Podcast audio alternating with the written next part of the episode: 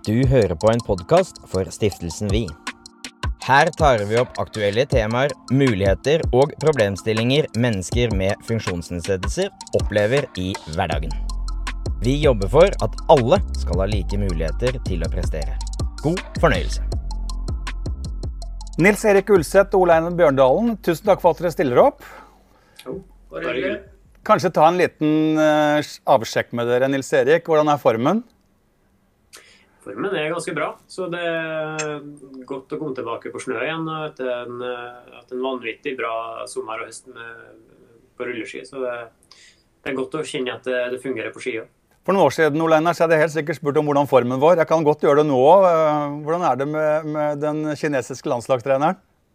Eh, formen det er vel sånn Det var ikke sånn som det var i gamle dager, men eh, jeg trener hver dag. Så, men det er jo ikke så mye hvile som før. da. Så det er lange Ja, nå kjenner jeg på hva arbeidslivet er. Det går døgn rundt. Så jeg føler meg ganske oppegående, men eh, til dels sliten en del dager, da. Det, det er hardt å jobbe og ikke bare, bare trene.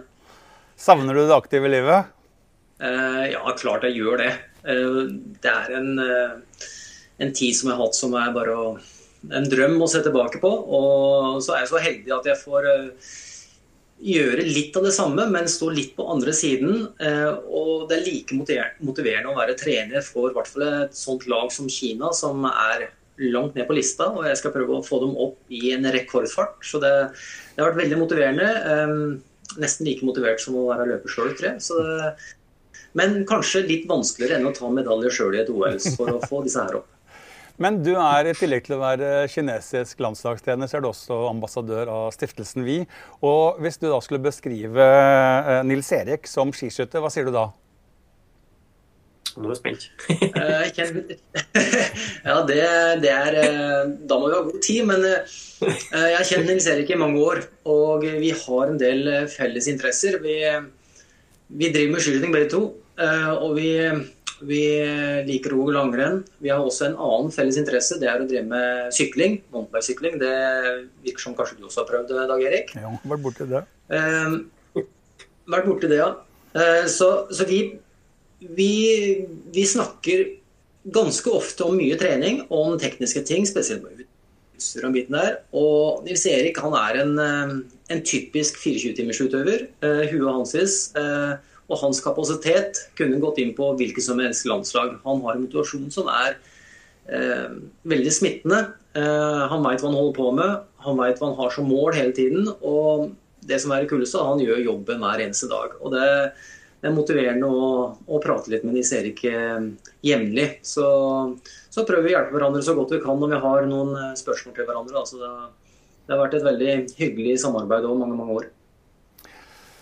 Hvor viktig har det vært for deg Nils Erik, å ha Ole Einar å spare med? Og trene med? Det er jo enormt, egentlig. Fordi eh, jeg har jo hatt altså, eh, Ole Einar har jo vært den fremste altså innenfor utvikling og alt, vil jeg si. Eh, og er det jo fortsatt òg.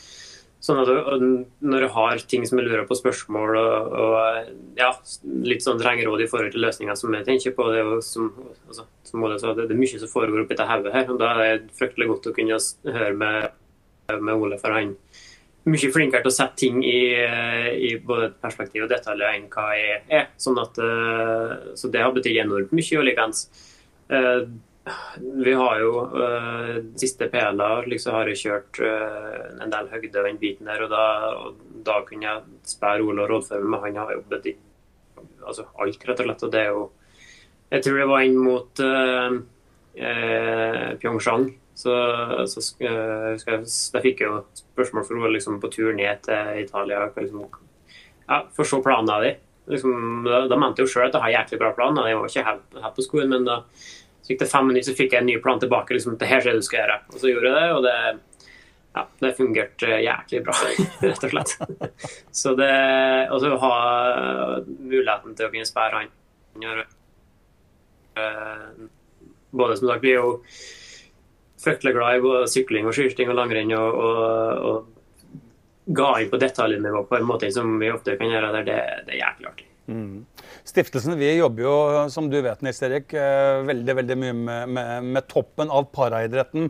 Men eh, favner nå også litt mer over i det allmenne, slik at f.eks. han lille tiåringen som sitter i rullestol, også skal f.eks. få lov til å være med i en gymtime der han normalt sett må på biblioteket. Vi har ikke de ressursene. Og så har jeg bare lyst til å spørre dere, hva kan, hva kan idretten gjøre for å bli enda bedre til å integrere?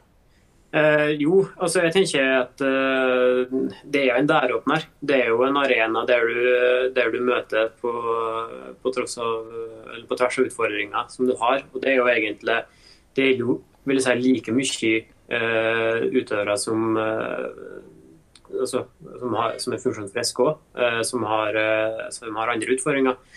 Og da faktisk kunne møte en parautøver eller som har enda større utfordringer, og se de løsningene mulighetene der. Og så vil det, det er sånn som kunne smitte begge veiene. sånn at eh, idretten og, og, helt ned til, til nybegynnernivå er en døråpner til, til et annet marked òg, sånn som jeg ser det. Har du noen forslag Oleine, hvordan idretten kan gå foran som et godt eksempel i samfunnet? Altså jeg tror eh, idretten er jo et godt eksempel i samfunnet per dags dato. Eh, Paralympics eller paraidretten som vi snakker om nå, jo, har sikkert veldig mye å gå på. Eh, det som har vært fordel i idrett i Norge, det er at det er ganske, vi er ganske løsningsorienterte. Og jeg håper at det også paraidretten kan også bli det. At vi, vi klarer å komme oss raskt fram til det som er målet for oss, og at det vil bli sett likeverdig. og og eh, ha de samme muligheter som de som er funksjonsfriske. Det tror jeg er det aller viktigste, og at det ikke blir et eh, byråkrati. Jeg hater byråkrati. Eh, det er det jeg syns er interessant med dette samarbeidet som, som vi gjør her, vi Stiftelsen. Det er at det, det går liksom rett på sak. Og, og, vi klarer å endre ting ganske kjapt. Og Det håper jeg også samfunnet ellers tar til seg. At vi klarer å endre raskt istedenfor at det blir bare snakk og ingen handling. Det har i hvert fall vært idretten eh, for de funksjonsfriske. Nå må vi ta det ned på det eh, funksjonshemma til å bli på det samme nivået. Nils Erik, hvor, hvor, viktig har stiftelsen Vi vært for deg eh, i ditt liv og i din satsing? Skal jeg si det så enkelt som at uh, jeg skulle legge opp etter, etter Pyeongchang. Uh, og så ringte Ole Einar og spurte meg enkelt greit skal du legge opp. Så ja, det skal, jeg skulle. Da fikk jeg beskjed om at vent litt. Eh, og så kom jo detaljene rundt det her, og da var det jo Da åpna det egentlig døra for fire nye år. Enkelt og greit. Så, mm. det, så det har betydd alt, rett og slett. Du har vunnet tre eh, OL-gull, eh, Nils Erik. Hvordan er formen nå i forhold til den var forrige gang du vant OL? Jeg blir jo gamlere, men jeg vil si at formen og egentlig utviklinga på det jeg har gjort i år, er rett og slett så mye bedre enn det jeg har gjort på mange, mange år. Så, så jeg, jeg, føler på en måte at jeg, denne sesongen her så jeg kommer jeg inn ikke i en slags uh, forsvarsposisjon, men en, en, mye sterkere angrepsposisjon til å, til å være med og kjempe om medaljen. Så det, jeg gleder meg egentlig til å komme i gang. Ole Einar, Nils Erik har eh, tre OL-gull, men har ikke noe VM-gull. Du også fighta litt eh, i din karriere før du fikk eh, kloa på de første gulla, husker jeg. Men har du noe godt råd å gi, Nils Erik? VM på hjemmebane? Ja, det er VM før eller etter OL? Før. Det er før. I januar.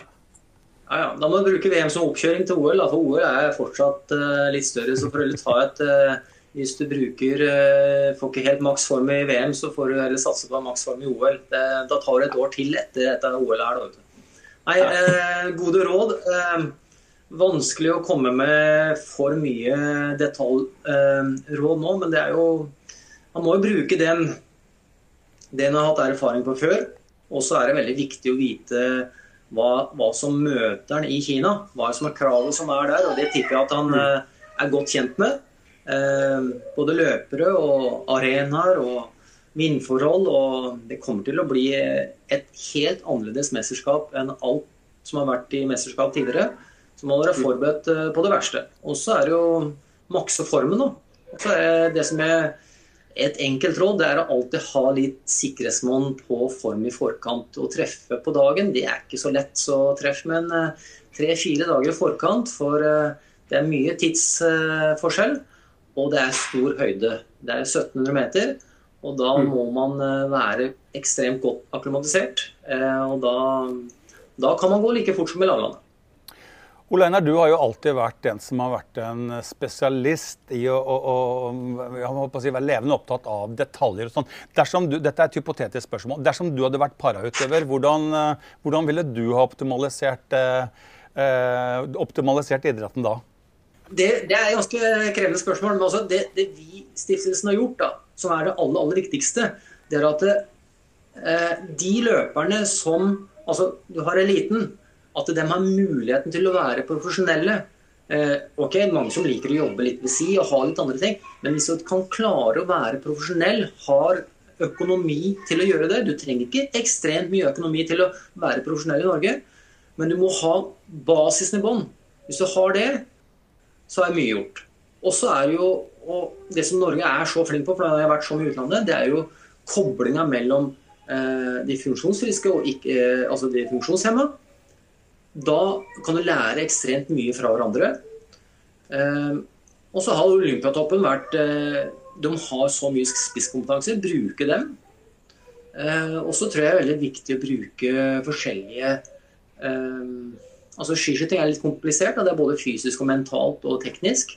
Så bruke det folk har gjort kanskje litt før. Bruke spisskompetanse fra langrenn, kanskje fra skyttere.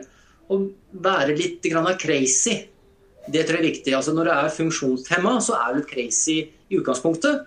Men skal du lykkes som funksjonshemma i et mesterskap i VM eller OL eller World Cup, det, så må du være litt crazy, og det er ikke helt akseptabelt i Norge, kanskje. Eh, alle plasser. Men du må være litt crazy. Du må ta det helt ut. For du kan i hvert fall ikke når det er lagt opp, og angre på at du ikke har gjort det. Så du må tørre å gjøre noe som ingen andre har gjort før. Nils Erik, du ser Ole Einar har jo blitt uh, kinesisk landslagstrener, men, men, ofte så snakker man om hva gjør man etter idrettskarrieren. Hva tenker du om det? Hva er drømmen din etter du er ferdig? Hva har du lyst til å jobbe med? Jo, altså, jeg skal innrømme at det å gå i den banen som Ole har gjort, det, det, det er noe som frister. For jeg har jo forhåpentligvis gjennom uh, snart 20 år på det nivået her fått med meg en del fra de tre trenerne jeg har hatt det òg. Og, og det er jo noe som jeg er nysgjerrig på. Og så er det jo uh, kjenner jo på det en utrolig takknemlighet for det som jeg har fått lov til å være med på, opplevd, som gjør at uh, jeg har jo lyst til å jobbe og gi tilbake innenfor, uh, innenfor og den biten der òg, da. Og, og da ja, jeg har jo begynt å få en del erfaringer der som jeg tror og håper kanskje noen, noen vil, vil lære til, i hvert fall. Så at jeg ikke, ikke er spesielt med tankene og ideene mine, men det, det er jo innenfor, fort innenfor de banene jeg, jeg ser for meg jobben vi gjør. Mm. Hvis du skal si noe om stiftelsen Wien Erik, som går på framtid, hva tror du blir viktig for stiftelsen for å skaffe, skape likeverdige samfunn, at alle har like muligheter? Enten det er i idretten eller i det vanlige livet? Uh, idretten så må Nå er jo stiftelsen vi mener jeg er et fantastisk godt valg med at de gikk inn på toppidretten sånn som de gjorde. Uh, og så er det i første omgang så er det jo da den jobben som skal gjøres videre utover mot bredde nå etter hvert. Uh, og da vil jeg si at den, det som mangler i norsk idrett, er en klar strategi for paraidretten. Uh, og det, er for det er sånn det er så det er lett på en måte å si at vi skal skape et aktivitet, vi skal skape et arrangement som er et dagsarrangement, og så forsvinner det et år etterpå. Så jeg tenker at den stiftelsen vi må komme på banen når de kommer inn i idretten på det nivået der, er at de må sikre at det aktivitetstilbudet blir opprettholdt hver uke for å ha kontinuitet til de deltakerne der. da. Og så er det jo likhet når de kommer ut, knytter seg opp mot det som flere av det som kaller vi-bedrifter. Og, og sikre at uh, ut, altså personer med funksjonsnedsettelse er, er, like aktuelle på arbeidsmarkedet så lenge de har den kompetansen som trengs. Da. At ikke det er diskvalifisering, kanskje heller en fordel. fordi uh, jeg tror kanskje mange innenfor den gruppa er nesten uh, kan være større ressurser på grunn til altså, En ting er at du skal takle den utfordringa som, som, kreves i forhold til jobben, men du må jo takle den utfordringa som det med den, den funksjonshemminga har. Som det blir på en måte en dobbel gevinst kan være. Mm. Så det, det, er jo ting som jeg tror de kan være lure å spille på inn til, til tilknytninga til vi er vi-bedrifter. Takk for at du lyttet til Stiftelsen Vi sin podkast. Håper den falt i smak. Ny episode er ikke langt unna.